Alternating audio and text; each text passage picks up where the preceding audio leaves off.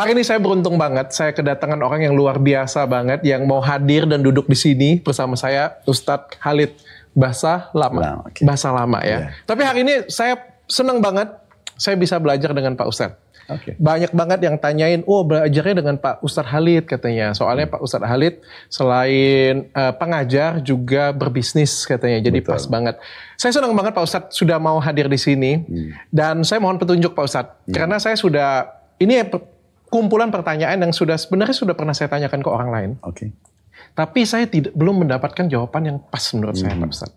Jadi saya pengen tanya dengan Pak Ustadz. Langsung aja kita mulai Pak Ustadz Boleh, ya. boleh. Silakan. Pak Ustadz, ini soal riba Pak Ustadz. Hmm. Eh, apa sih yang dimaksud dengan riba Pak Ustadz? Oke. Riba itu secara etimologi, bahasa tambahan. Kalau terminologinya itu, kalau dalam Islam, dia sesuatu yang diambil manfaat tambahannya tapi bukan dari pintu bisnis. Oke. Nah, kalau dalam Islam itu ada dua jenis investasi. Ada investasi yang boleh seseorang itu mengambil keuntungan. Nah, kalau dalam istilah-istilah sekarang di perbankan syariah pun itu diterapkan seperti mudharabah. Nah, mudharabah itu seperti bagi hasil, dok ya. Kayak misalnya saya mau buka satu bisnis nih, saya ajak, ayo dok mau gabung nggak? Terus sama-sama nih kita sepakat modal masing-masing 50 Bagi hasil berapa? itu Ah, bukan riba. Bukan. Itu bukan riba. Itu namanya bisnis ya. Ya, Oke. 50-50 persen misalnya karena modal memang 50-50 persen. Oke. Untung bagi 50-50 persen, rugi juga sama-sama nanggung 55 persen. Itu namanya mudharabah. Atau murabaha. Murabaha itu seperti beli putus dok. Kayak misal saya ini mau beli rumah tapi saya nggak ada duit. Saya Hmm. bilang, dok bisa nggak beliin saya rumah ini? Misalnya harganya 5 miliar. Oke. Dokter bilang sama saya, oke saya bayarin tapi saya jual sama kamu 6 miliar ya.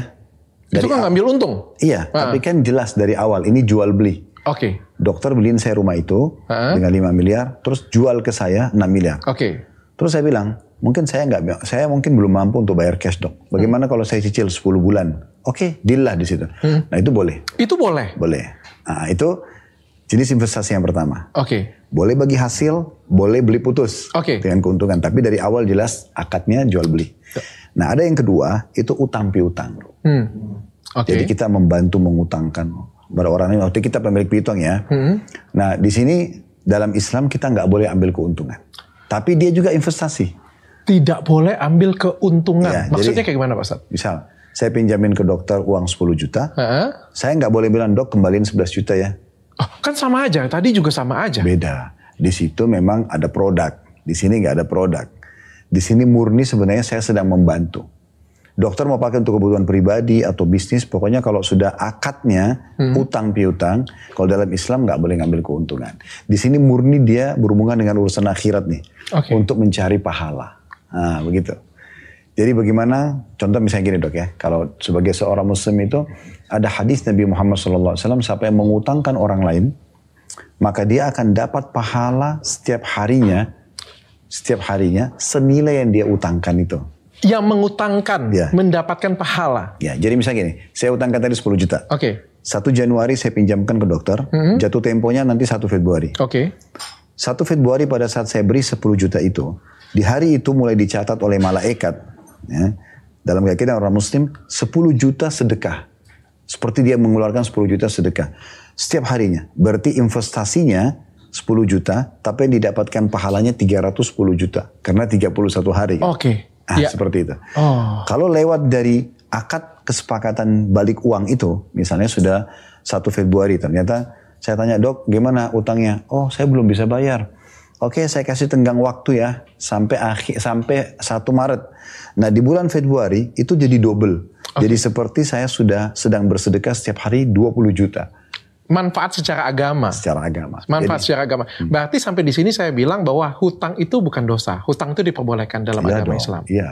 Oke. Karena kan itu membantu orang lain. Yang tidak diperbolehkan itu adalah mengambil bunga. Mengambil tambahan dari utang. Kalau mengambil tambahan dari investasi tadi boleh. Walaupun itu kesepakatan kita bersama. Walaupun. Walaupun itu kesepakatan Iya, bersama. walaupun. Berarti kalau saya konkretin lagi, mohon maaf sebelumnya, yakin semua itu sudah terekam dengan baik? Oke, jangan sampai kita mengulang ya. Karena ini Ustadz itu, aku seneng banget. Berarti saya ulangin, kalau misalnya kita KPR, itu riba. KPR akadnya kan tadi murabaha. Oke. Yang beli putus. Oh, kalau KPR itu dibayari oleh bank dulu. Iya, kan Berarti sekarang itu diperbolehkan. instansi atau individu Hah? kalau dia membelikan dulu rumah atau dia memberikan dulu sebuah produk, Oke. kemudian dia bilang ini saya beli dengan harga tadi ru- rumah 5 miliar, tapi saya jual sama kamu 6 miliar ya. Dari awal akad jual beli. Berarti si bank ini kan bayarin dulu nih. Hmm. Habis itu baru kita bayar ke bank. Berarti itu bukan riba. Ya, tapi di sini sebentar. Kita harus lihat lagi kembali kepada akad. Kenapa ada bank konvensional, ada bank syariah? Oke. Dalam Islam ada bank syariah kan ada BSI dan yang lain ini kan ada bank syariah. BSI kan sudah gabungan ya dulunya ada bank eh, Mandiri Syariah, ada eh, bank BRI Syariah, nah digabunglah menjadi eh, bank B, BSI gitu. Nah mereka perbedaannya dengan konven kalau dari sisi KPR misalnya itu di akad, dok. Oke. Nah kalau bank konven misalnya eh, membelikan rumah, dokter eh, mau KPR rumah melalui bank A, bank konven misalnya, ya, bukan bank syariah. Maka mereka akadnya adalah utang piutang. Oke. Jadi misalnya pihak bank mengutangkan uang 5 miliar, ya kan, yang akan dibayar setiap bulan sekian, pengembaliannya misalnya setiap bulan 10 juta, Oke. dengan bunga 10 eh, persen misalnya. Iya. Nah inilah yang membuat dia riba. Oke. Karena dia akadnya diutang. Kalau di bank syariah, dia ubah. Akadnya itu pihak pertama perbankan ini membeli sebuah rumah, disebutkan produknya, dengan harga 5 miliar, dijual kepada si fulan namanya dan KTP-nya dengan harga 6 miliar yang akan dicicil sekian bulan. Jadi keuntungan sudah masuk dalam kesepakatan akad itu. Oke. Bukan presentasi dok ya, dia udah langsung disebutin keuntungannya. Tapi kan ini kan cuma perbedaan bahasa aja Pak Ustadz. Ya, perbedaan bahasa bisa mengubah semua dok. Sekarang bahasa gini, saya suka kamu dengan saya benci kamu. Bahasa bukan? Bahasa. Berbeda nggak Berbeda. efeknya? Sekarang kalau saya bilang sama seseorang saya suka kamu, dia bisa senyum. Begitu saya bilang saya benci kamu, dia berubah. Oh, oke. Jadi nggak bisa, bukan cuma sekedar bahasa. Bahasa pun bisa mengubah segala sesuatunya. Bahkan retorika saja dengan tujuan yang sama bisa mengubahnya. Oke, padahal endingnya kan kurang lebih sama ya Pak Ustadz. Jadi kalau saya artikan kalau misalnya kita KPR di bank yang biasa itu adalah riba, kalau kita KPR di bank yang syariah itu hitungannya tidak riba. Ya, Seperti ini itu. dalam lingkup pandangan agama Islam ya. Ya, betul. Oke, saya pengen bertanya karena saya pengen tanya itu kayak gini Pak Ustadz. Sebenarnya pertanyaan saya sebagai non muslim itu pertanyaan saya dosanya itu di mana ya Pak Ustadz? Kan kalau kita ngomong kayak gini ya Pak Ustadz ya, kalau kita ngomong minum alkohol itu adalah dosa. Saya make sense Pak Ustadz. Memperkosa itu dosa, membunuh itu dosa. Karena mencelakakan orang lain Pak Ustadz. Ya kalau misalnya kita memperkosakan orang kan ya mencelakakan orang lain. Atau kalau kita menipu itu kan artinya ada orang lain yang dirugikan di sana. Bahkan ketika kita minum alkohol pun dosanya ada di mana? Ketika kita menyakitin orang lain, melukai tubuh kita sendiri yang ini merupakan ciptaan Tuhan. Dok gini dok, dosa itu bukan definisinya adalah pada saat dia berefek negatif pada orang. Oke. Dosa itu adalah sesuatu yang dilarang oleh agama. Dia berefek atau tidak berefek? Ya kan? Sekarang begini, saya tidak boleh misalnya mengganggu orang lain. Kan definisi Imam ini luas sekali ya. Sekarang kalau saya merasa saya hanya bercanda dengan teman saya, tapi sebenarnya dia terganggu. Ini dihitung salah atau tidak nih? Saya tidak menganggap itu kesalahan. Dia menganggap itu adalah mengganggu dia. Oke. Makanya lingkupnya adalah penggambaran agama. Agama menganggap agama melarang mengganggu orang lain. Bercanda atau tidak? Clear. Berarti dosanya dia berefek atau tidak? Sama aja. Jadi tidak harus misalnya minum khamr itu, minum minuman keras misalnya, minum beralkohol karena nanti kalau sudah berefek mengganggu orang, dia mabuk mungkin dia bisa membunuh baru berdosa enggak. Memang dari awal minuman ini tidak dibolehkan. Oke, kalau minuman kan aku masih masih saya tadi masih bisa berpikir ya Pak Ustadz Oke. ya. Merusak organ tubuh kita misalnya kayak gitu ya. Jadi misalnya Nabi bilang ya jangan minum minuman alkohol. Salah satunya menjaga tubuh kita sendiri kayak gitu ya. Tapi yang kalau riba ini kan nggak ada yang dirugikan bahkan kita sama-sama diuntungkan Pak Ustadz. tatanan sosial dong. Ada saatnya gini. Kalau dalam Islam itu gini, ada waktu dan masa hidup kita di mana kita memang eh, mengambil keuntungan, ada saatnya kita memang berbagi sosial. Kalau yang dokter bahasakan tadi itu kesannya semuanya harus ada fa- manfaatnya. Lalu kapan kita bisa membantu orang tanpa ada eh, feedback? Kapan- Kapan kita bisa tanpa ada feedbacknya? Kan sekarang kalau saya utangin orang tanpa saya minta apa-apa. Ya udah saya pinjam 10 juta kembali 10 juta. Saya akan meringankan dia. Ini ini aspek sosial. Oke, aspek sosial. Tapi kan yang satunya lagi juga membantu karena kan kita lagi butuh bantuan, Pak. Justru itu jangan tunggangin kebutuhan orang. Ke, dia lagi genting, kita tunggangin justru untuk di mana sosialnya kalau gitu. Oke. Justru pada saat dia lagi butuh, dia lagi lapar nih. Sama kasusnya gini, kalau dokter bilang gitu berarti kalau lagi lapar, saya kasih kamu makan, tapi kamu harus bantu saya kerja dua jam ya. Kan berarti kita minta feedback kan. Islam tidak mengajarkan itu. Oke. Di saat kamu orang lain butuh bantu dia. Dan bantunya itu jangan berharap balasan kecuali dari Tuhan. Nah gitu. Oke. Itu secara agamanya, Pak Ustaz. Ya, ya? ini ini kita bicara masalah agama. Masalah agamanya ya. Karena kan tadi dokter bahas masalah riba ya. Kenapa Yes. dalam Islam riba diharamkan? Nah ini alasannya. Oke, tapi kan kayak gini ya Pak Ustadz ya, saya bilangnya ya. Eh, atau saya pengen tanya dulu deh supaya komplit dulu riba ya. Oke. Tadi kan KPR ya, kalau misalnya kita deposito itu berarti riba juga dong. Kita menerima bunga. Eh, gini, deposito tergantung. Islam rincikan lagi tuh. Pada saat saya deposito di satu instansi, ini uang diapakan? Pasti diputar dong oleh bank. Oke, putarnya butuh dirincikan lagi. Karena dalam Islam ada namanya halal dan haram. Oke. Dia putar di mana nih? Pasti di perusahaan lain, investasi. Oke, halal atau tidak? Wah, Maksud kalau itu kan hanya perusahaan itu yang tahu Nah, pastinya. enggak, kita harus tahu sebagai pemilik uang. Oh, Dalam Islam itu kita nggak bisa sembarangan. Misalnya kan patokannya agama nih.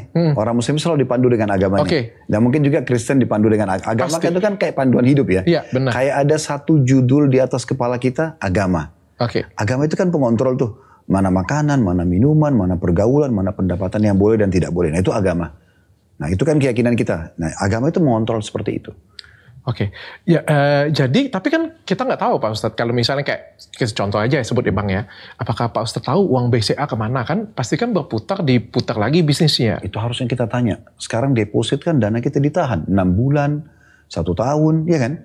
Tapi kalau kita tanya ke bank, pasti dia bilangnya apa? Diputar pasti Pak Ustadz. Loh, dia, itu lagi nih, ken- kenapa perbankan syariah lahir? Karena untuk mempertegas akad-akad ini. Kita bisa tanya, saya mau deposit uang saya 100 juta. Heeh. Ini diputar di mana? Kalau jawabannya sektor real, sektor real nih, ini ada ada sawah, ada perkebunan, Oke. ada apalah pertambangan. Oke, itu sektor real. Dan mereka itu memang memberikan kepada kita bagi hasil Mm-mm. dari eh, Investasi tersebut. ya, da- tapi dari keuntungan. Oke. Dalam Islam dia juga bisa masuk dalam bab riba, Dok. Dok, kalau misalnya gini, dokter investasi sama saya 100 juta. Tapi dokter tentukan, Khalid saya mau dari 100 juta ini, saya tiap bulan mau tahu terima 10 juta. Yes, itu ribanya Itu sih riba. Iya. Iya. Berarti Karena- bagian karena- dari riba keuntungan karena, karena dia. dia penentuan langsung. Yes. Karena kan gini, apa sebabnya?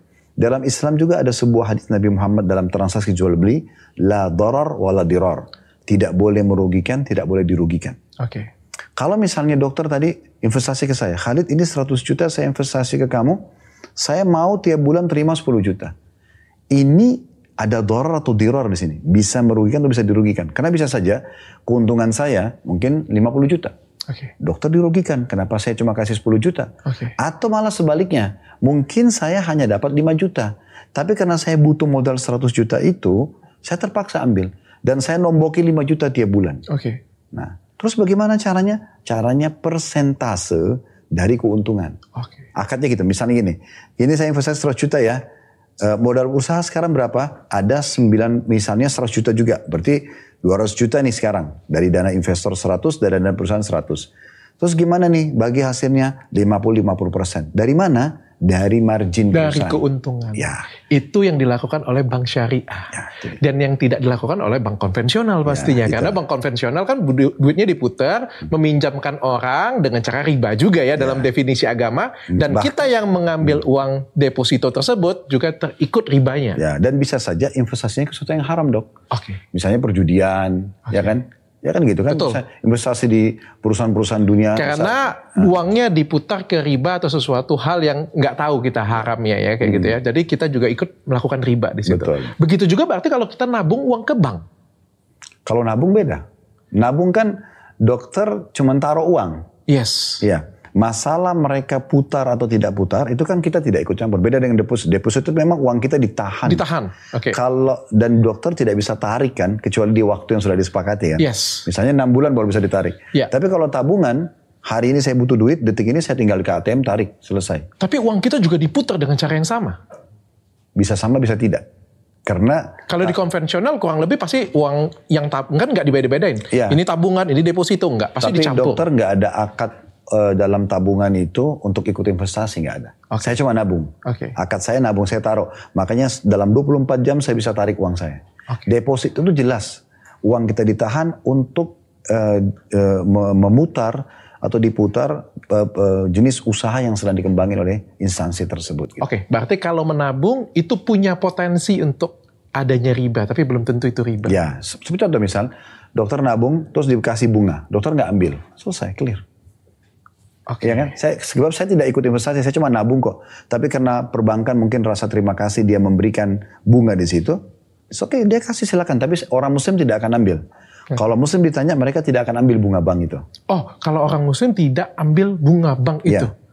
Mereka tidak akan ambil. Kalaupun ada mengambilnya, mereka tidak boleh dalam fatwa ulama muslim, nggak boleh mereka pakai untuk kebutuhan pribadi. Tapi mungkin fasilitas umum, kayak misalnya jembatan, eh, Menyumbangkan kembali. Ya, tapi untuk fasilitas umum ya, eh, dia nggak boleh ke tempat ibadah kayak kayak masjid itu nggak. Tapi dia misalnya WC umum, jembatan, sumur yang dipakai oleh banyak orang, itu silakan saja.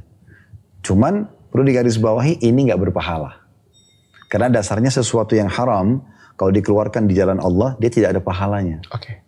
Oke. Mohon maaf banget Pak Ustadz, saya pengen Silakan. bertanya Pak Ustadz. Pak Ustadz ada rekening BCA atau Mandiri atau lain sebagainya Pak? Saya semua di bank syariah. Oke, usaha Pak Ustadz juga seperti itu. Iya. Oke, Pak Ustadz, tapi pada kenyataannya, ini kan hukum yang, kalau saya nggak salah Pak ya, Pak Ustadz ya, koreksi saya kalau saya salah. Riba ini dosanya katanya, dosanya besar Pak Ustadz kalau di agama muslim. Benar atau nggak Pak Ustadz? Betul. Tapi pada kenyataannya kan banyak banget orang yang punya rekening, ya rekening-rekening konvensional tadi Pak Ustadz, dan begitu mudahnya bahkan beberapa dari mereka juga pengajar juga Pak Ustadz. Eh, guru-guru besar juga Pak Ustadz, tapi mempunyai rekening-rekening tersebut Pak Ustadz. Pandangan Pak Ustadz bagaimana? Pertanyaan sederhana gini, boleh nggak seorang muslim menabung di bank konvensional? Kita bicara nabung, tidak bicara deposit. Jawabannya boleh. Bekerja Pak Ustadz? Sebentar, kita satu-satu dulu. Oke. Di poin ini supaya jelas dulu. Sekarang boleh nggak menabung? Kan tadi yang ditanyakan itu banyak eh, para eh, toko masyarakat dan segala masih buka di bank konvensional. Boleh nggak koin? Boleh menabung. Karena dia menabung, dia cuma titip, dia bisa ambil setiap saat. Oke. Dia bukan datang ke situ untuk mengambil bunganya, kecuali dia memang niat saya mau taruh uang saya di Supaya sini dapat bunga. supaya dapat bunga Oke. dan bunganya saya nikmatin. Nah itu dia baru kena hukum di situ. Oke. Ya. Selagi dia nggak nikmatin bunganya itu bukan riba Iya. ya Pak Ustadz. Jadi ya? Oke. jangan disalahpahami bahwasanya semuanya berarti harus segera eh, Ganti ke syariah. ganti ke syariah. itu hak pribadi mereka. Oke. Karena di sini masih ada fatwa ulama tentang masalah bolehnya. Tapi kalau ada bank syariah dianjurkan untuk segera pindah dan MUI pun juga sudah menjelaskan tentang masalah hukum riba gitu kan. Oke. Ya sudah dikeluarkan masalah itu. Nah itu kalau kalau eh, tabungannya. Tapi kalau orang bekerja tadi, pertanyaan selanjutnya itu tidak disarankan dok, karena pasti dia akan terlibat dalam menulis, dalam mentransfer, dia kan memberikan dukungan full energi dan potensi dia di situ. Ya, Seorang muslim tidak disarankan untuk bekerja, tidak disarankan atau bagaimana nih ya bahasa? tidak disarankan. Tidak disarankan. Karena kan di sini kan gini, sesuatu yang dilarang oleh agama, dalam agama pun kita hanya dianjurkan untuk menyampaikan. Saya nggak boleh memaksakan. Oh iya benar. Contoh misalnya seorang muslim, dia berzina. Zina itu nggak boleh. Atau minum minuman keras dalam Islam tidak boleh. Saya misalnya sebagai seorang da'i hanya bisa mengatakan, saudaraku ini Islam larang. Allah mengharamkannya. Rasulullah melarang. Jadi jangan dikonsumsi. Sekarang tapi kalau dia tetap mau minum, saya nggak bisa buat apa-apa. Saya nggak mungkin maksain dia, saya gebukin. Nggak boleh dalam Islam. Iya oke. Bahkan kita disuruh berdakwah dengan cara yang baik, dengan cara yang santun gitu kan. Ini terjadi bagi seorang muslim atau orang non muslim sama. Non muslim pun misalnya dokter sekarang dalam agama Kristen ya. Saya cuma bisa mengatakan dok, apa dokter eh, tertarik untuk masuk Islam? Mungkin dokter tanya saya, apa itu? Saya jelasin gini. Terus setelah itu dokter mengatakan, saya kayaknya belum tertarik. Clear, selesai. Oke. Tidak ada kata Allah SWT dalam Al-Quran, la ikraha fid din. Tidak ada paksaan dalam agama. Oke. Nah, jadi seorang muslim itu selalu menganggap Islam ini seperti dia seperti seorang marketing dan dia semua produk punya produk namanya Islam. Oke. Ini loh Islam saya tawarkan kepada siapa saja. Muslim yang belum mempraktekkan atau non muslim yang belum mengenal agama ini. Oke. Diterima syukur, tidak diterima ya sudah. Oke, berarti seorang muslim tidak disarankan untuk bekerja di bank, Pak Ustadz, ya, karena ada ribanya Ya, seperti itu. bank yang ada unsur tadi riba ya. Kan kita bicara masalah riba. Oke. Ah. Eh, kalau bank syariah enggak dong pasti ya Pak Ustadz ya. Oke, aman. Ya, selama ini yang saya tahu, karena saya tidak berkecimpung di bank syariah. Tapi yang saya tahu ada beberapa teman-teman yang bergabung di sana, memang mereka ada dewan syariah. Oke. Ya. Jadi di situ ada ulamanya yang duduk, yang membahas nih, poin demi poin, akad demi akad gitu kan. Oke. Yang mereka bahas dan semoga saja dengan itu berarti mereka akan aman dari larangan. Oke, jauh lebih jelas ya. Kalau ustadznya gede, besar Ustadz Halid, jelas ya. Ilmunya nyampe ya semua. ya, ya. saya masih kecil, jangan. Aduh, ampun. Tapi Pak Ustadz, ini kan an- eh, Pak Ustadz ini kan bukan orang pertama yang saya ajak ngobrol ya. Makanya saya tuh ngerasa, wah ini ilmunya nyampe banget ya. Hmm. Saya tuh clear, walaupun tentu eh, ada relevansi yang nanti kita akan bicarain di topik selanjutnya. oke. Tapi yang pengen saya ngomong ini kan ada perbedaan pandangan beberapa ulama Pak Ustadz Hmm. tentang riba ini sendiri. Ada yang ngomong bahkan menabung di bank saja itu sudah riba. Ada yang bicara bahkan tidak ada satupun bank syariah di Indonesia kayak gitu punya. Bahkan itu pun juga riba. Ada yang eh, sudah tahu itu riba tapi tetap deposito, tetap punya kartu kredit, Pak Ustadz. Punya kartu kredit kan juga riba, Pak Ustadz ya. Tetap melakukan KPR dan lain sebagainya, Pak Ustadz. Ada ada apa ya ngomongnya? ya? Ada perbedaan pandangan di sini, Pak Ustadz. Lalu sep- orang yang mana yang harus kita ikutin, Pak Ustadz? Islam mengajarkan dok kita mengikuti dalil namanya. Apa itu dalil? Argumentasi. Yang dijelaskan dalam Al-Quran dan dijelaskan dari hadis Nabi. Nah, biasanya memang dalam interpretasi itu ada perbedaan pendapat. Interpretasi. Ya, bahasa agama biasa ijtihad. Berarti upaya gitu kan untuk coba mengorek lagi dalil ini. Mungkin ada celahnya, mungkin ada gini. Tapi kalau saya pribadi selalu eh, berada di satu rel yang saya ikuti dengan kehati-hatian. Mana yang sedikit aja kemungkinan besar dia bisa masuk kepada haram, itu lebih baik kita jauhin. Kan gitu. Kita udah tahu nih, jalan ini licin loh. Sebenarnya ada jalan satu sini nggak licin, tapi kita sengaja coba deh ini. Nah itu kan bisa berbahaya ya, Oke. resikonya besar. Maka lebih baik saya nggak usah tempuh jalan itu. Tapi kita tidak bisa melarang orang untuk punya pendapat yang lain. Itu bebas saja, mereka memilih pendapat mereka. Tapi di sini kan sekarang dokter kalau tanya saya, ini loh yang saya pahami. Oke. Mungkin saja dokter duduk sama seorang muslim yang lain, dia mungkin malah berpendapat yang berbeda. Gitu kan? Eh, betul, itu yang pada kenyataannya memang seperti itu Ya. Pak Ustadz. Dan benar-benar kayak beragam gitu Pak Ustadz. Ada yang bilang satu pun nggak ada yang syariah kayak gitu punya. Bahkan bank syariah pun nggak syariah dia bilang seperti itu. Ini- Kalau menganut di mana itu? Kalau kalau saya melihat statement seperti ini harus ada pertanggungjawaban dok ya. Kan eh, pembentukan perbankan syariah itu kan bukan satu dua hari. Duduknya para pakar, pemikir, kemudian eh, dari eh, pakar perbankan sendiri dan juga pakar agama mereka berkumpul lalu terbentuklah perbankan syariah itu. Kalau eh, ini terus kemudian dianggap ini tidak syariah, harusnya kan kita pelajari dulu. Kalau sudah lengkap benar-benar informasi itu, kita udah duduk sama mereka dan ternyata memang mereka itu salah. Kita pun sudah memberikan eh, masukan, ini nggak boleh loh, karena ada dalam kitab ini menjelaskan seperti ini. Mereka tidak mau terima, baru dia boleh keluarkan statement ini. Karena ini nggak boleh sembarangan gitu kan. Seperti orang punya restoran lalu dia mengatakan restoran itu jangan dimakan karena itu haram semuanya. Dia udah tanya belum restoran ini? Dia udah cek belum? Mungkin di antara produk di situ ada yang halal. Kita harus fair dan adil. Dalam Islam disuruh adil. Kalau orang ini yang dijual haram itu aja yang kita sorotin. Yang halal kita mengatakan dia punya yang halal. Kan gitu. Iya. Mungkin kalau eh, salah satu konteksnya mungkin ini Pak Ustadz ya. Mungkin ada beberapa orang yang lebih pilih-pilih dosa Pak Ustadz. Eh, contohnya kayak gini ya. Eh, Pak Ustadz ini kita minum alkohol Pak Ustadz. Wah nggak boleh. Ini haram, ini dosa gitu ya. Pak Ustadz kita makan babi Pak Ustadz. Nggak boleh, ini haram kayak gitu punya. Tapi ketika KPR atau peminjam uang di bank atau menggunakan kartu kredit, eh, bagi dia ya pilih-pilih Pak Ustadz. Hmm. Menurut Pak Ustadz bagaimana Pak Ustadz? Itu tergantung tingkat keimanan dok ya. Karena kan yang berbicara orang lebih patuh mengikuti perintah Tuhan ini Allah, itu kan keimanan dok. Kita mau lebih hati-hati, haram ya sudah haram semua kita tinggalkan, yang halal semua kita nikmatin, itu karena keimanan dia. Kalau ada orang masih menyortir begitu berarti memang dia bermain di zona yang bisa naik turunkan iman dia kan gitu. Terancam gitu ya. Jadi dia bisa masuk kepada perbuatan salah kan. Yeah. Otomatis saja salah. Yeah. Nah orang muslim yang sejati tidak seperti itu. Dia memang betul-betul yang haram ya haram, yang halal ya halal. Okay. Gitu kan. Dan dia bisa, dia dia harus memberikan prinsip itu pada siapa pun. Contoh tadi misalnya dokter bilang, ini minum minuman keras atau ini makan babi. Terus saya mengatakan ini tidak boleh karena agama saya melarangnya. Tapi di saat dokter makan karena dokter berkeyakinan dalam agama itu boleh, saya nggak saya nggak akan ikut campur.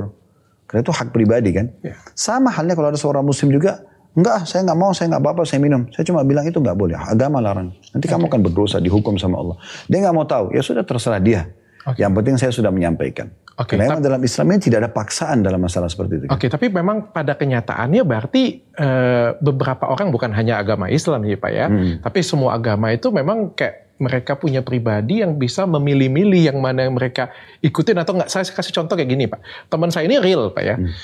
Teman teman saya seorang muslim kebetulan, saya bicara muslim saja, duduk clubbing minum minuman keras, kanan kiri cewek ya gitu punya. Tapi pas kumpul disuruh makan, eh kita makan ya makan babi kayak gitu punya ya. Oh nggak mau, haram. Sampai teman-teman tuh berbicara semuanya, ah cewek doyan, zina, hayo, alkohol oke. Okay. Tapi makan babi haram. Kan nggak pas. Itu kan selentingan bercandaan teman-teman pada di situ. Mungkin gini dong, uh, kita Coba keluar dari contoh itu dulu. Saya yakin dokter juga punya teman-teman yang non sama kan Pilih-pilih juga. Nah, jadi memang ini kembali kepada individual. Ini kembali kepada individual. Jadi yang paling fair itu sebenarnya di saat ada seseorang melakukan perbuatan seperti ini lebih baik kita berbicara tentang pribadi dia. Oke. Okay. Karena agama tidak akan pernah berubah, Dok. Oh, ya kan? oke. Okay. Sekarang Islam mengharamkan minuman keras di Indonesia, ini akan haram juga di Amerika, akan haram juga di Australia, akan haram di mana-mana. Oke. Okay. Kan gitu. Misalnya seorang perempuan dalam Islam disuruh pakai jilbab, maka itu berlaku wajib di Indonesia, berlaku wajib di mana-mana. Okay. Maka sama. Jadi kalau ada orang yang keluar dari ini, berarti dia secara pribadi. Okay. Nangkap saya Pak maka salahkan pribadinya, bukan itu. aturannya, ya. bukan contoh, ajaran. Contoh gini dok, kalau seandainya ada satu orang Indonesia, hmm. dia memerkosa di Amerika, okay. kan?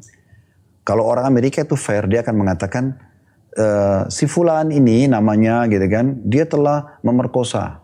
Ya, mungkin dia bisa sebut warga negaranya ini. Tapi sangat tidak fair kalau dia mengatakan satu Indonesia. Iya, kan tidak fair tuh. Indonesia memperkosa ini. Nah, kan itu kan berarti dia bertanggung jawab dengan 200 juta lebih kan? Iya, betul. Ya mungkin ya harus fair. Blame ke orangnya, kelakuan orangnya, ya. bukan ke ajarannya. Bahkan luar biasa kalau dalam agama kami dalam Islam kalau ada seseorang yang melakukan perbuatan salah, tapi satu sisi dia punya perbuatan yang baik. Hmm. Maka yang sedang kita soroti kesalahannya saja. Dan kita sedang menyorotin perbuatan salahnya. Kita tidak akan memusuhi fisiknya. Jangan kita hancurkan kebaikannya karena kita melihat kejelekannya. Ya. Jadi kejelekan justru ini kita jadikan ajang dakwah dok. Oke. Okay. Raih peluang ini untuk mendapat pahala dari Tuhan, dari Allah. Gitu. Betul juga Pak Ustaz. Jadi hmm. kalau misalnya kita kumpul-kumpul kayak gitu, kita bilang, wah yuk makan babi nggak mau, yang ini mau. Akhirnya dia makan babi kan justru dari dari baik ada yang jahat, ada yang baik. Jadi full Jadi full, full jelek ya Pak Ustadz ya. Tapi kalau kita balikin, kita ingetin sebaliknya, wah kamu ini akhirnya jadi baik semua. Ya, Paling kan masih saya, ada sisi bisa, yang baik. Bisa saya dikatakan gini kan, oh harusnya kalau kamu nggak makan babi, harusnya ini juga jangan kamu buat dong, kan agama kamu. Jadi kita malah tarik dia, kamu berubah. Baik. Nah, begitu. Dan itu berlaku pada semuanya, kepada teman-teman dokter juga yang sama-sama Kristen atau yeah. agama apa pun, dia bagaimana menyoroti satu keburukan itu dan dia jadikan ini kesempatan justru untuk meraih ke kebaikan dari situ. Oke, okay, karena kita adalah manusia yang penuh dosa, nggak mungkin kita semuanya Sempurna. putih semua, ya, nggak mungkin kita punya suci semuanya, betul. bahkan seorang pemuka agama sekalipun pasti juga punya kekurangannya, Pak Ustaz iya, ya. betul. Dan kita harus belajar begini. Kalau saya biasa maaf dok tanda kutip saya ngajar ya uh, umat Islam misalnya di masjid atau di majelis taklim. Uh, untuk melatih bibit-bibit seperti tadi supaya itu nanti jadi pohon yang sangat subur saya mengatakan kita harus biasakan menyukai sesuatu uh, kalau dari satu benda misalnya satu contoh makanan paling gampang. Makan buah misalnya jeruk. Kita dapatkan dari jeruk ini asam yang kita tidak suka asamnya atau jeruknya oh, okay. kalau kita tidak suka as, jeruknya maka Eh, kita akan selalu mengatakan semua jeruk asam. Tapi sekarang yang harus kita fair melihat adalah yang membuat kita tidak suka bukan jeruknya, tapi asamnya. maka yang kita tidak suka adalah asamnya saja.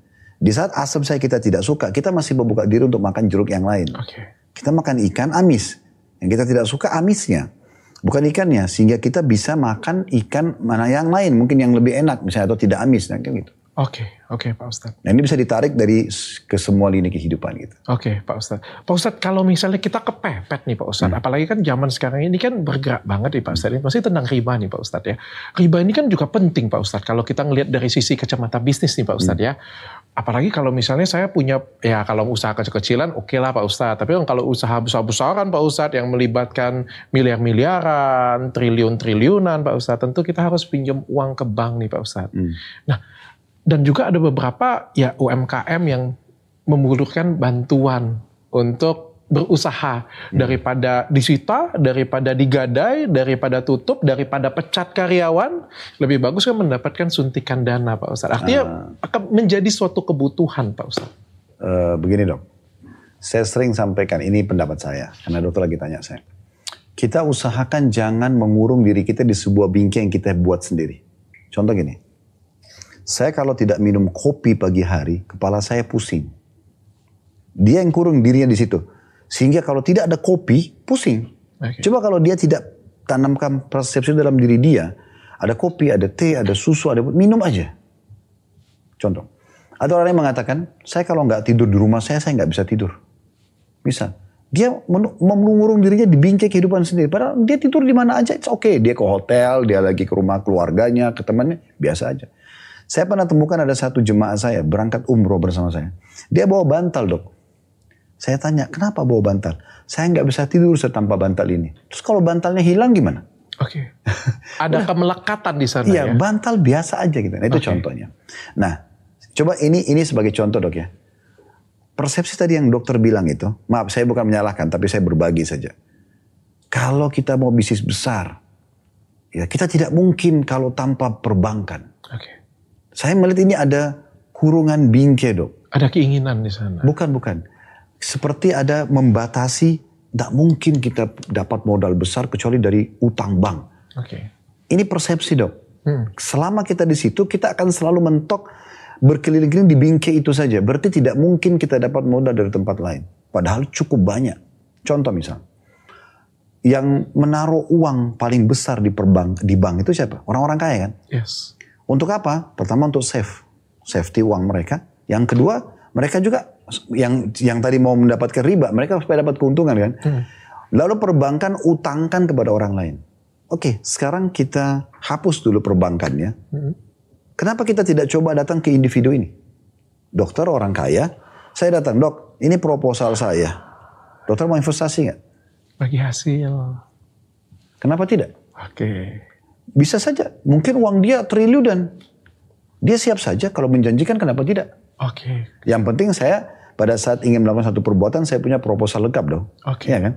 Ini loh modal yang dibutuhin, ini eh, jenis produknya, ini sistem yang akan saya pakai, ini target pasar. Oke. Clear. Oke. Jangan membingkai sesuatu ya Pak Ustadz ya. Sampai benar luar biasa. luar biasa banget Pak Ustadz. Pak Ustadz tapi ah, aku jadi pertanyaan selanjutnya agak-agak berat nih. Tapi saya coba sampaikan deh. Tapi ini kan bukan, aja, ringankan. bukan yang perta- bukan riba satu-satunya sih. Dan kalau aku melihatnya juga ini hampir di semua ajaran agama sih Pak Ustadz. Ah, kan ajaran agama ini kan suatu pelajaran yang sudah lama nih Pak Ustadz. Dari kakek nenek saya punya kakek nenek, saya punya kakek nenek lagi, punya kakek nenek lagi. Ini ajaran agama Pak Ustadz. Ya sudah lama banget bahkan dipakai sampai di era seperti sekarang. Dan Oke.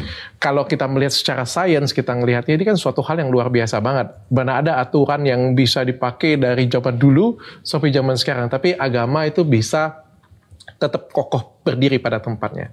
Tapi eh, kan mulai ada beberapa yang harus diperbaharui atau relevansinya terhadap dunia yang seperti sekarang, Pak Ustadz.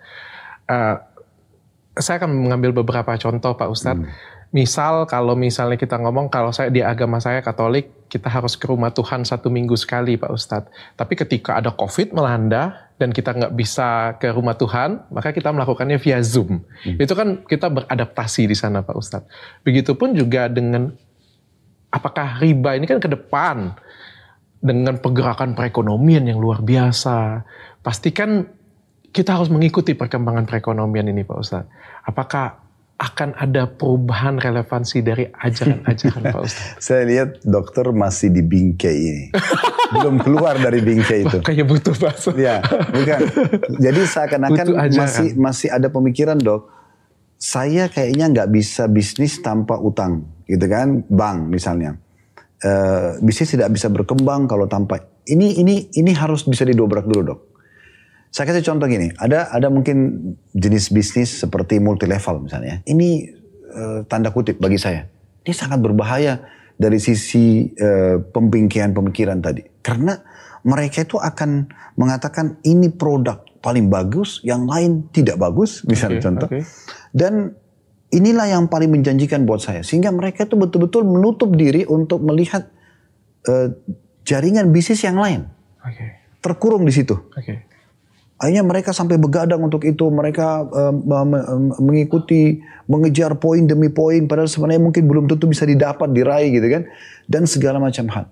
Dan akhirnya ini membuat mereka sempit di bingkai itu saja. Saya tidak menyalahkan ya, tapi saya ingin memberikan satu poin penting, uh, gimana caranya kita boleh multi level, boleh bisnis uh, bisnis misalnya sektor real, mungkin ada bisnis yang uh, berba, ber, dengan berbagai macam lah ya. Mungkin ada orang yang instansi rumah sakit, jasa sekolah, hotel. Mungkin ada orang yang masuk ke uh, kuliner dan seterusnya. Coba kita lirik semua ini, sehingga kita tuh tidak dalam bing, satu bingkai. Saya waktu mau buka restoran dok, contohnya, saya penceramah. Ah, memang background saya agama gitu kan tapi ada satu titik dalam jiwa saya itu suka dengan bisnis. Karena saya berpikir Nabi Muhammad SAW itu beliau 19 tahun dari masa hidupnya itu pebisnis. Gitu kan. Dan setelah jadi Nabi pun beliau masih mendukung para sahabat yang berbisnis. Sehingga kenapa saya coba tidak coba ini? Sehingga tidak ada kesan penceramah itu hanya selalu maaf dok ya di dalam ceramah ini misalnya ceramah terus hidup dari amplop. Nah, Enggak, kita bagaimana menunjukkan toh, toh saya juga bisa jadi pengusaha kok. Apa saya yang tidak bisa dipelajari sekarang? Kita mau komputer bisa kita kursus, bahasa Inggris bisa kita kursus, semua kita bisa pelajari. Kenapa kita kurung diri kita di bingkai kehidupan okay. yang ah saya kayaknya ini aja bidang saya, saya nggak bisa bidang lain. Okay. Coba keluar dulu dari situ. Okay. Kalau perlu kita seperti uh, letakkan semua permasalahan kita ini hmm. atau program di satu meja dan kita coba lihat dari luar dong, dari okay. atas. Sehingga kita bisa lihat, oh ternyata masih ada celah di sana. Masih ada jalan lain lagi, masih ada jalan itu lagi. Poinnya. Bukan yang ini aja. Itu poinnya. Nah, itu dulu ya. Ini okay. ini supaya bisa difahami. Kita kembali ke pertanyaan dokter tadi. Sekarang dengan perkembangan zaman segala macam, apakah ada celah riba nanti itu bisa dibolehkan? Iya. Uh, bukan riba bisa dibolehkan karena haram itu sifatnya baku dok. Okay. Dia akan baku sampai hari kiamat kalau dalam keyakinan seorang Islam. Tapi seorang uh, ulama ya seorang alim dalam Islam seperti Indonesia ada majelis ulama Indonesia yang mereka berkumpul orang-orang yang paham agama ini lalu mereka nanti akan beristihad misalnya apakah jenis bisnis yang baru muncul ini itu boleh nggak dalam Islam nah mereka tuh tetap letakkan riba tidak boleh ya. kemudian manipulasi nggak boleh memvadimi orang lain tidak boleh ini kaidah-kaidah dasar apakah bisnis ini bentrok sama kaidah-kaidah ini? Kalau enggak, oke okay, berarti halal. Nah, okay. dari itulah keluar halal atau tidak halal. Berarti dikaji ya, perubahan dikaji. tersebut juga akan dikaji. Betul, tapi bukan berarti pengkajian ini menghalalkan yang sudah haram dok, nggak bisa. Okay. Tetap yang haram ini menjadi tolak ukur apakah itu boleh atau tidak. Oke, okay. berarti dasar hukumnya adalah tetap tinggal perubahan zamannya yang itu yang kita kaji sesuaikan dengan hukumnya ini Betul. dan hukumnya tidak berubah Pak Ustadz ya. Tapi Pak Ustadz ini kan tadi contohnya dari Bapak Ustadz. Hmm. Ada beberapa contoh yang lain. Contohnya Boleh. kayak gini Pak Ustadz. Hmm. Seorang wanita Pak Ustadz. Eh, saya sangat, saya cukup mengikuti tapi koreksi saya kalau saya salah hmm. Pak Ustadz. Kan kalau di dalam agama Islam kan wanita itu uh, mendampingi laki-laki, di bawah laki-laki ya Pak Ustadz ya kurang lebih seperti itu. Tapi kan sekarang kan perubahan zaman yang luar biasa, di mana ada emansipasi wanita, di mana wanita juga bekerja Pak Ustadz. Ada perubahan yang terjadi pada zaman dulu. Hmm. Ya pada zaman dulu kan mungkin wanita ya banyak kan nggak kerja jadi ibu rumah tangga, melayani suami gitu ya. Tapi memang sekarang hampir berapa persen wanita itu sudah mulai bekerja juga Pak Ustadz. Bagaimana Pak Ustadz? Dokter kalau tidak salah spesialisnya skincare ya, apa? Skincare, kecantikan. Pak kecantikan. Ah, okay. Saya mau tanya, konsumennya paling banyak siapa? Wanita Pak Ustadz. Kenapa wanita? Karena semua wanita Sekarang saya, cantik. saya saya yang jadi pembawa acara nih. Oke. Kenapa wanita? Karena semua wanita, kebanyakan wanita lebih banyak wanita yang pengen cantik Pak Ustadz. Uh, bukan karena memang kebutuhan kulit mereka? Eh, bukan kebut salah satunya kebutuhan kulit mereka juga, tapi karena mereka semua laki-laki juga punya kulit. Sebentar. Maksud saya gini.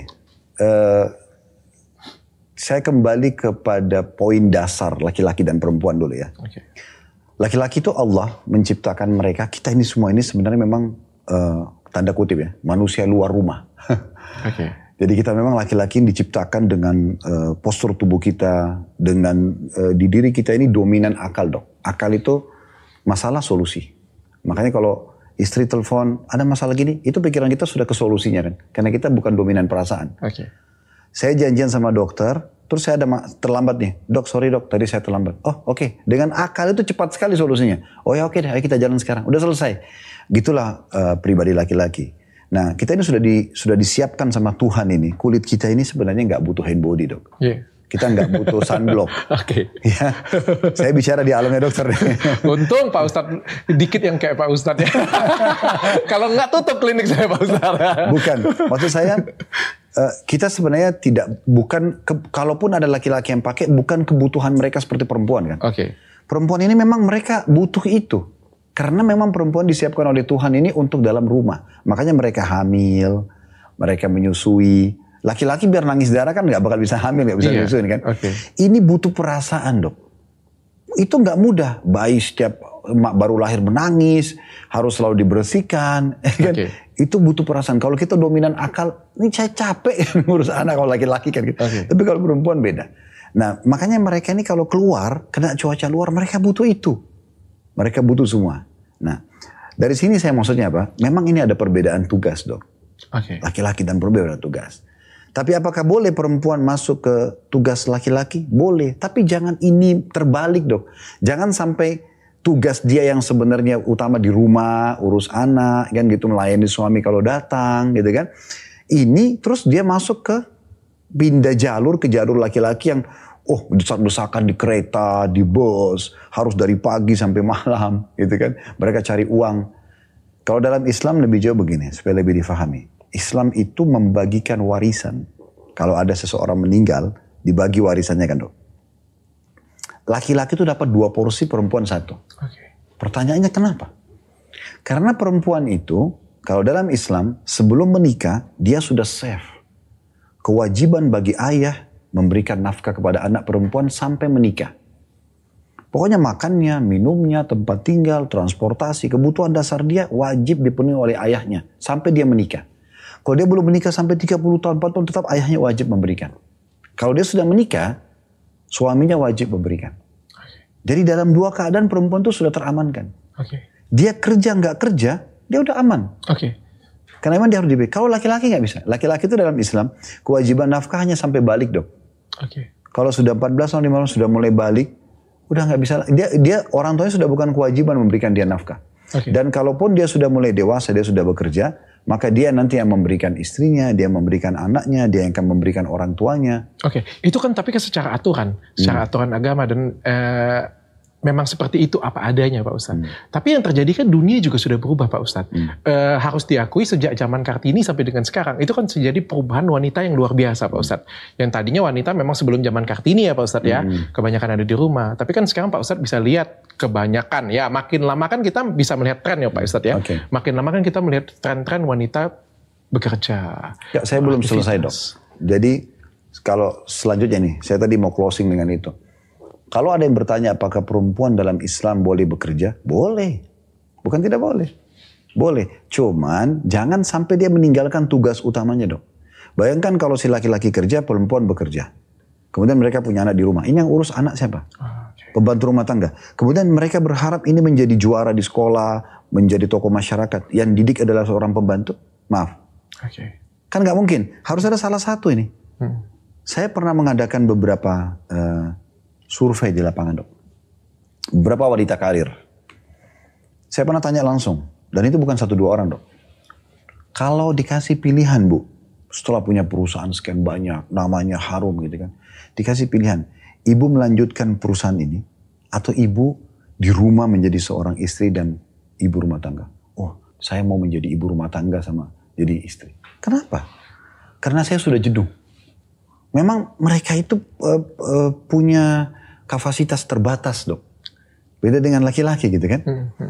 Uh, itu satu sisi. Sisi yang lain juga uh, berapa banyak rumah tangga yang terbengkalai karena sang suami pulang, istri masih kerja, masih meeting, istri masih safar ke mana okay. gitu kan. Dia pulang, yang lain ini dia pembantu rumah tangganya. Atau dia bahkan sendirian di rumah. Lalu mana keharmonisan rumah tangga? Di saat si sang suami pemimpin rumah tangga yang punya kewajiban memberi nafkah pulang, dia nggak temukan istrinya. Okay. Tapi di saat seorang istri misalnya dia seorang dokter, dia seorang bidan, dia seorang guru, eh, apa-apalah yang bermanfaat di masyarakat gitu kan. Kemudian dia bisa membagi waktu. Di saat misalnya suaminya kerja nih dari jam 8 pagi sampai jam 6 sore. Di antara jeda waktu itu, anak-anak juga pada sekolah misalnya. Dia mengisi waktu jualan online, okay. dia mungkin punya klinik, mungkin live TikTok juga kayak saya. ya pokoknya dia boleh beraktivitas itu okay. kan. Tapi jangan sampai suami pulang tertinggal, tertinggal. kewajibannya iya. ditinggal. Iya. Oke. Okay.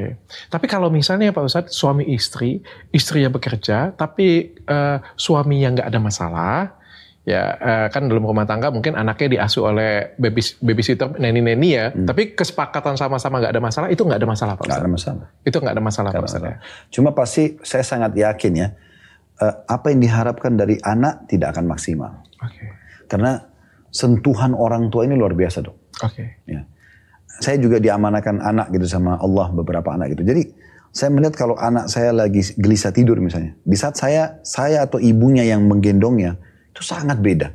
Baru sentuhan yang pertama saja, dia seperti merasa ini orang tua saya itu bisa bisa dengan cepat tenang dibandingkan kalau kita titipkan sama baby sisternya, dia masih gelisah anak itu. Contoh saja.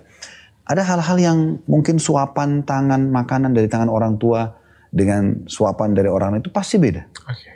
Akan beda dok ya. Nah ini yang yang kadang-kadang luput dari banyak orang tua karena mereka mengejar karir dunia, mereka lupa sebenarnya ada manusia yang diamanahkan oleh Allah ini yang harusnya mereka berikan waktu untuk itu. Okay. Berapa banyak ibu yang eh, wanita karir nih dari pagi dia keluar, anaknya mungkin masih tidur atau mungkin anaknya pas mau ke sekolah. Nanti dia pulang malam, anaknya sudah tidur. Begitu terus setiap hari. Tapi mungkin juga karena kebutuhan juga Pak Ustadz. Kalau misalnya keadaan ekonomi tidak mencukupi. Gini dok, kebutuhan kita bahas dulu nih. Yeah. Ya satu persatu. kita harus lihat kapasitas kebutuhan kita. Sekarang saya tanya dok, kebutuhan makan kita berapa piring? Satu kali makan? Satu kali makan satu piring. Satu piring. Iya. Dua piring udah kenyang kan? Iya. Udah banyak sekali. Satu piring. Itulah kapasitas kita dok.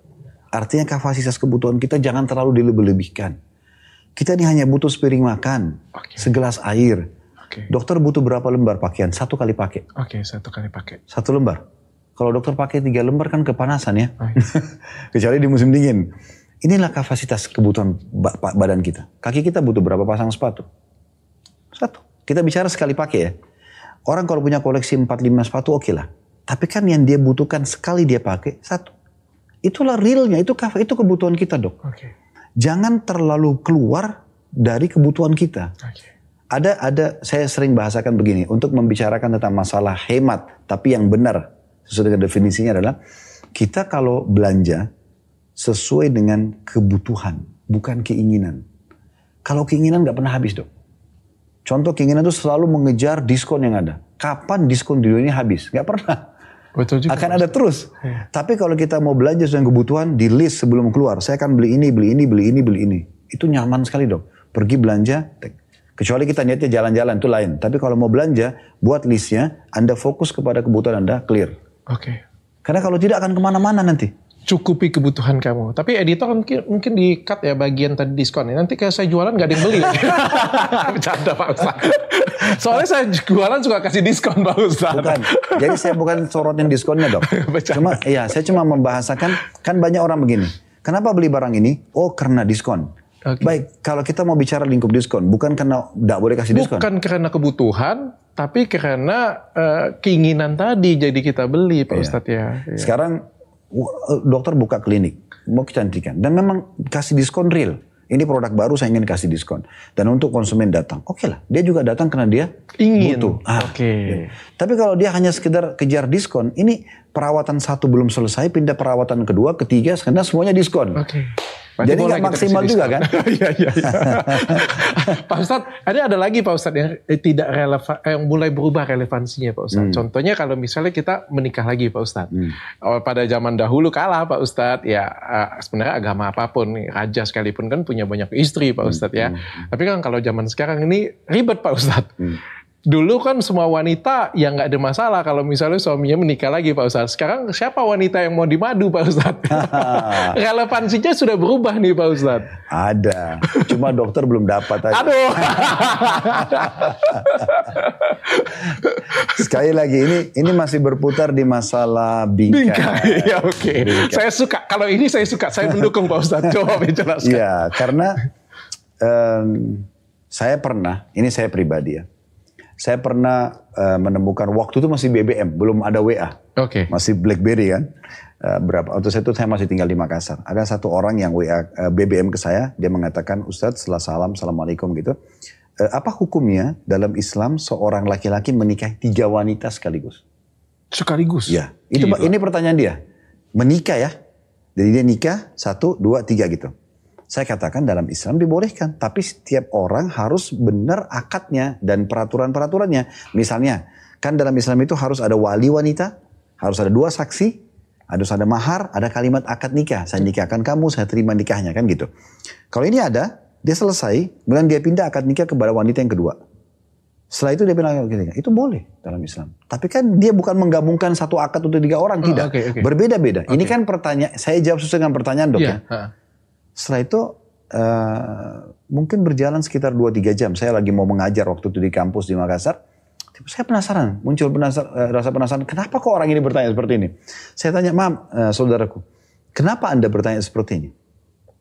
Apakah anda niat eh, untuk berpoligami? Dia bilang, "Sa- eh, saya bukan saudara, tapi saya saudari. Dia mau saya perempuan.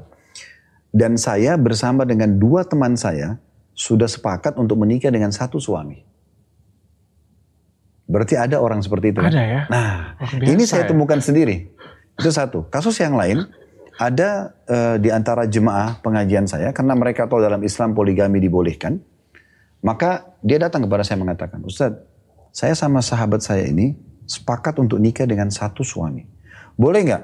Saya nanti kalau dilamar oleh seorang laki-laki, saya kasih syarat kepada suami saya untuk nikahi teman saya juga. Wow. Nah ini ini real, ini real dok.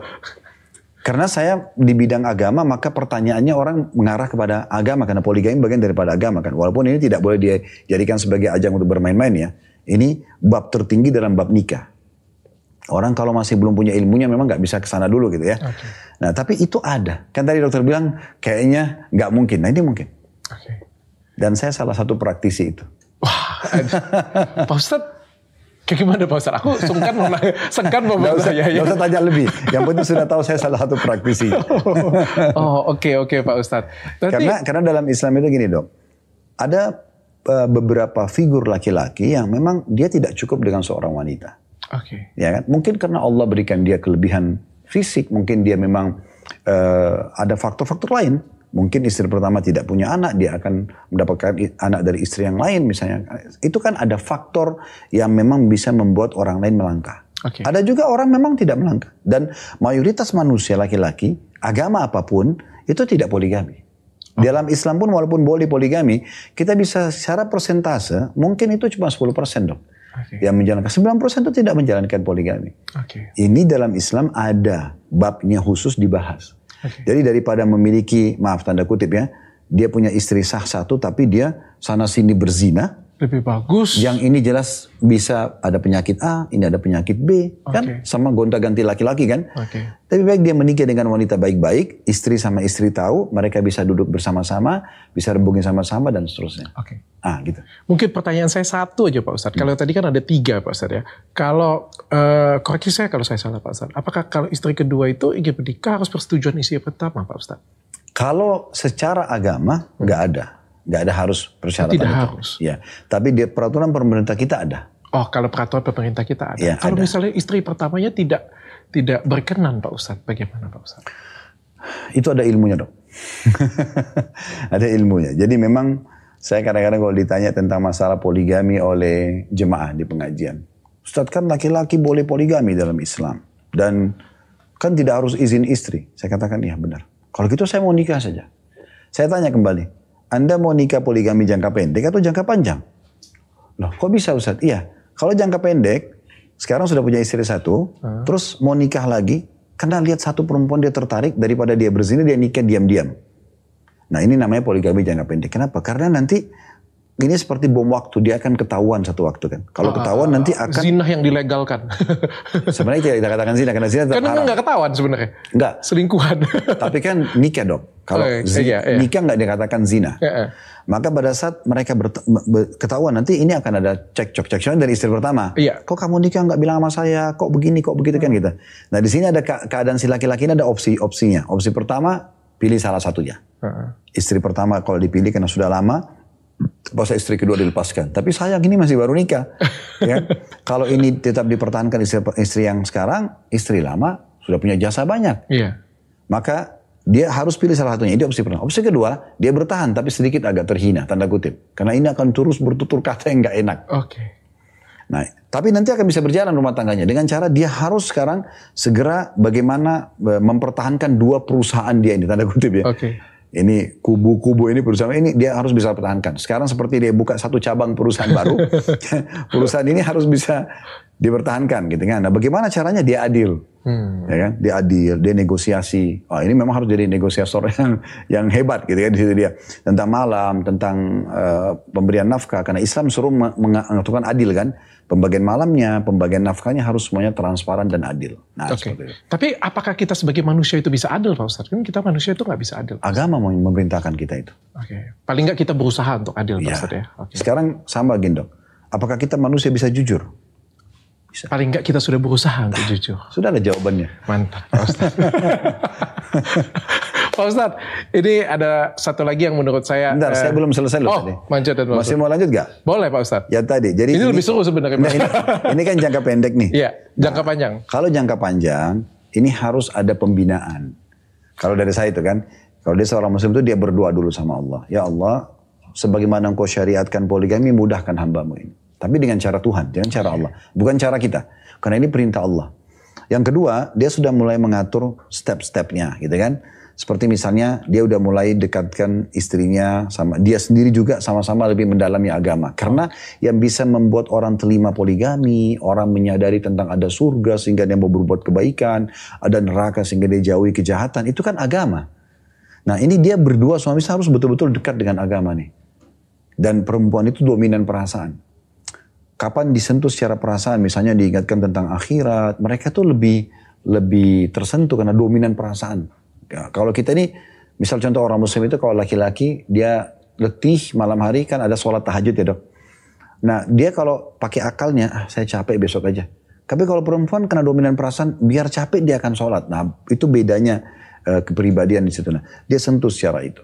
Kemudian nanti dia bisa mengungkapkan baik-baik pada istrinya setelah berjalan misalnya 2-3 tahun dari doa dia, dari ikhtiar dia mendekatkan diri kepada agama ini. Lalu dia mengatakan, ini salah satu hukum agama poligami. Bagaimana kira-kira kalau bab ini kita masuk?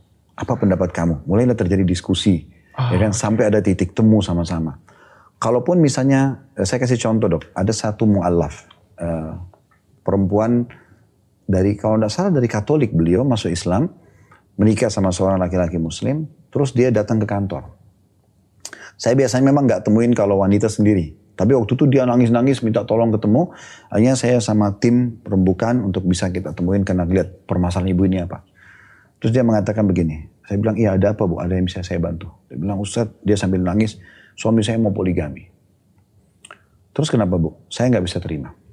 Oke. Ibu bisa jelasin ke saya, kenapa ibu nggak bisa terima? Saya takut suami saya nggak cinta sama saya. Ini umumnya wanita takut yang sama nih kan. Kemudian yang kedua, saya takut saya ditinggalkan. Apalagi bu, yang ketiga nanti dia curang dari sisi keuangan. Diam-diam kasih lebih ke sana. Ada lagi nggak? Nggak ada.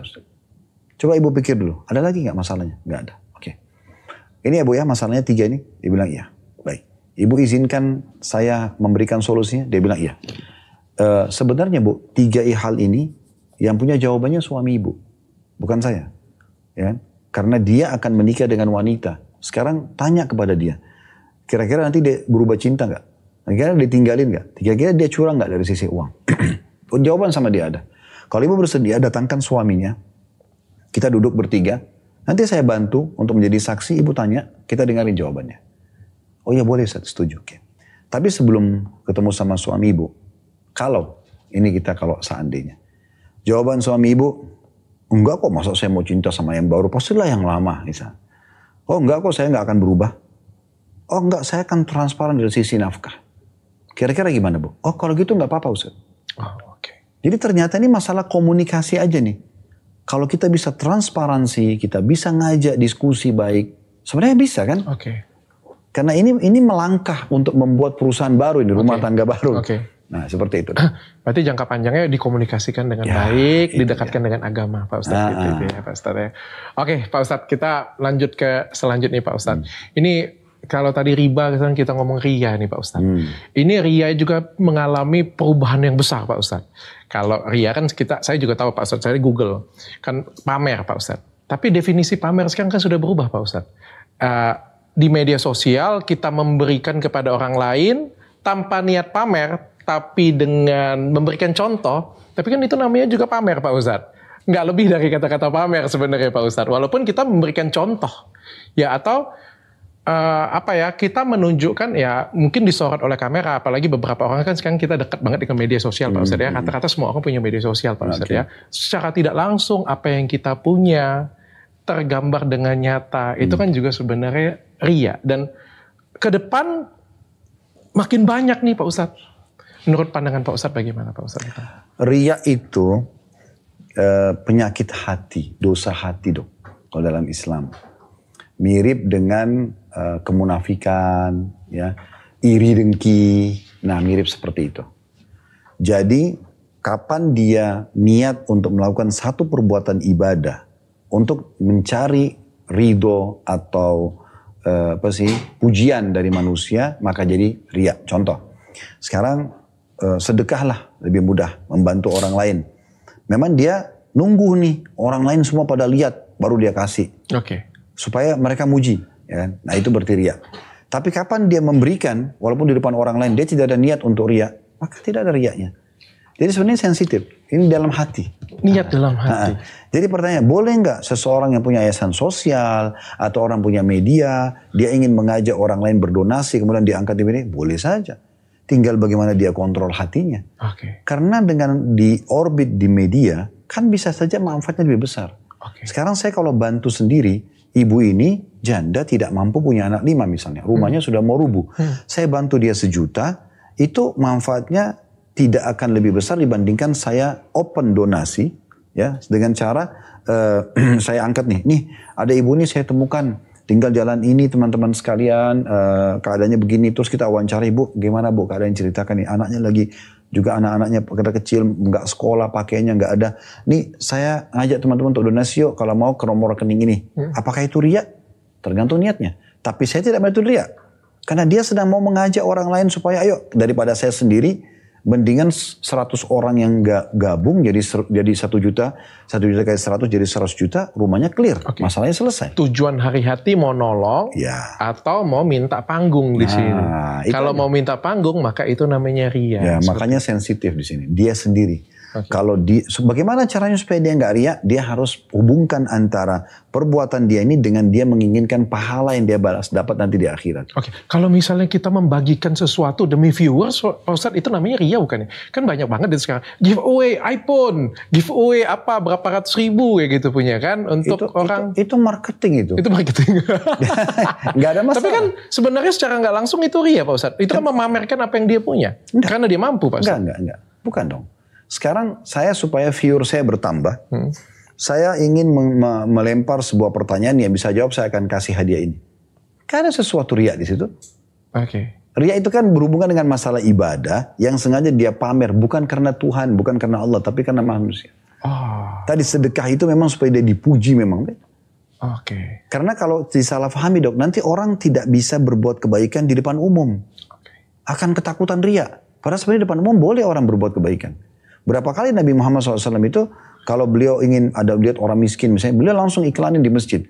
Ini ada dari suku ini keadaannya seperti ini. Ayo silakan sampai membantu. Mau teman sahabat-sahabat beliau pada ngumpulin. Oke. Dan itu di depan umum. Oke. Bahkan pernah ada satu kali ada satu suku Arab datang belasan orang di masjid Nabi Muhammad SAW di Madinah waktu itu karena beliau karena mereka ini sangat susah hidupnya sampai digambarkan dalam riwayat itu mereka cuma pakai satu lembar kain dok. Yang diikat di leher kainnya itu gulur ke bawah. Dan kalau ada angin bisa tersingkap auratnya. Muka mereka itu merah kehitam-hitaman karena susahnya hidupnya. Sering tinggal tanpa rumah kena cuaca panas dan dingin. Waktu Nabi Muhammad SAW lihat beliau naik dari atas mimbar lalu beliau mengatakan begini bersedekahlah wahai hamba-hamba Allah berikan kepada orang-orang yang tidak mampu karena Allah akan membalas berlipat ganda karena kalian akan terima balasannya hari kiamat. Dan Allah akan gantikan dengan yang lebih besar daripada apa yang kalian keluarkan. Maka dengan motivasi itu, ada satu sahabat Nabi berdiri, dia memulai, dia korek kantongnya, uang berapapun yang ada langsung ditelakkan sama dia. Ini ya Rasulullah dari saya. Setelah orang ini lakukan, karena dia ter, ter, ter, apa, tergugahlah dengan penyampaian Nabi ini, rupanya satu masjid ini baru engah. Oh, ini orang sudah lakukan, ayo semua pada ikut. Okay. Apa kata Nabi Muhammad SAW? Untuk orang yang pertama, Siapa yang menjadi penyebab orang lain berbuat kebaikan, dia akan panen pahala semua yang mengikutinya. Ini depan umum loh, dia memberikan, tapi ternyata dia jadi pelajaran bagi yang lain kan.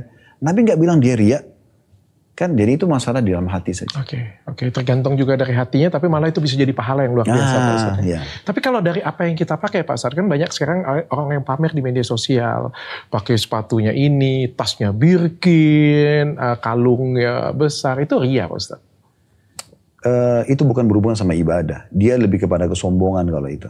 Okay. Kalau ria itu dok sekali lagi kalau dalam Islam itu, itu, itu bukan kesom, itu bukan ria itu kesombongan. Iya, karena ria itu dia definisinya dia melakukan satu jenis ibadah yang tadinya untuk Allah untuk Tuhan dialihkan ke manusia. Jadi dia bukan bukan ikhlas, bukan mau cari pahala, dia mau pujian orang. Oh, oke. Okay. Nah, kalau tadi dia pamer bajunya, sepatunya, itu kan lebih kepada bab sombong, beda lagi. Oke. Okay. Itu tidak dikatakan riak, tapi dia sombong. Nah, ini juga dalam Islam tidak dibolehkan kan. Tapi begini, boleh nggak saya pakai baju yang bermerek, tas yang bermerek, ah, mobil okay. yang bermerek? Boleh. Nggak ada, yang penting halal, bukan punya orang gitu kan. Memang kita hasil usaha kita sendiri. Silakan, Islam tidak pernah melarang itu. Bahkan gak, Islam tidak membolehkan orang pakai baju kumuh misalnya berpenampilan tidak baik, itu tidak pernah. Kita harus pakai yang terbaik. Yang penting niat kita memang untuk menikmati menikmati oh. apa yang oh. Allah berikan. Menikmatin bukan untuk memamerkan. Nah, itu dia. Jadi meskipun kalau misalnya ada yang, sorry ya Pak Ustadz, saya dengan atribut ya, paling gampang kan dengan atribut misalnya wanita berhijab, tapi menggunakan uh, tas-tas mewah kayak gitu punya. Tapi tujuannya adalah menikmati apa yang dia punya, itu nggak ada masalah, ada masalah. Pak Ustadz, Ustadz ya. Oke. Tapi kalau misalnya kita ngomong ke pemuka agama nih Pak Ustadz, apakah menurut Pak, Pak Ustadz bagaimana Pak Ustadz? Apakah pemuka agama ini harus menunjukkan kesederhanaan atau bagaimana Pak Ustadz? Saya tidak, sebenarnya tergantung ya. Beda sederhana dengan orang sombong ya. Mungkin ada, atau misalnya orang pelit. Ya, sederhana dengan pelit itu tipis sekali ya. Kalau orang sederhana, misalnya gini, dia eh, kaya, tapi dia dia tidak mau mubazir, tidak mau berlebihan. Mungkin dengan satu dua mobil dia cukup. Dia nggak jadikan mobil di rumahnya garisnya 10 mobil misalnya. Karena dia nggak perlukan. Itu kan bisa dibahasakan orang sederhana aja. Padahal dia mampu beli 100 mobil misalnya. Okay. Nah itu sederhana. Dengan orang yang pelit, dia mampu tapi sama sekali nggak mau beli mobil. Udah pakai angkot aja misalnya, gitu kan. Mungkin dia bisa bisnis kelas tapi dia pakai ekonomi kelas di pesawat misalnya. Tapi dia mampu sebenarnya. Dia tidak nikmatin. Ini tidak boleh juga dalam Islam. Tidak boleh juga. Iya, jadi orang tidak boleh mubazir, boleh berlebihan. Orang juga tidak boleh pelit. Kita berada di tengah-tengahnya. Ah. Iya. Oke okay, Pak Ustadz. Tapi kalau misalnya berarti sebenarnya nggak ada masalah Pak Ustadz bahwa siapa pun kalau misalnya kita punya dan kita uh, walaupun mengajari pengajar kayak gitu punya uh, punya barang mewah tuh nggak ada masalah Pak. Nggak masalah. Nggak ada masalah. Selama itu halal ya. Karena misalnya lima huruf ini penting halal dan bukan lima huruf yang lain haram. Karena ini kan agama mengatakannya. Hmm. Halal itu kayak misalnya pendapatan halal, memang dari uang kita, bukan manipulasi, bukan curian dan segala macam itu kan, bukan tadi dari riba. Nah, kalau itu dari hasil dia, silahkan dia nikmati. Oke, okay, saya sudah paham Pak Ustadz. Yeah. Terima kasih Pak Ustadz sudah datang hari sama, ini Pak Ustadz. Saya ada salah nggak Pak Ustadz nanya ya Pak Ustadz? Anda. Terima kasih sudah ngajarin sama, saya Pak Ustadz. Saya murni mau belajar. Hmm. Mohon maaf kalau saya ada kekurangan. Saya pun sama. Mohon maaf kalau emang ada jawaban mungkin yang dianggap kurang berkenan. Baik buat dokter atau teman-teman tim atau mungkin teman-teman pemirsa yang mengikuti. Karena memang kita sedang diskusi dan setiap orang mungkin bisa punya pendapat. Apalagi bicara lingkup agama ya. Kalau individu saya punya berapa lagi agama. Maka kita saling menghormati itu jauh lebih tepat. Luar biasa. Tapi ilmu Pak Ustadz Halid luar biasa banget loh. Saya tercerahkan banget. Baik riba apa pun ria, luar biasa.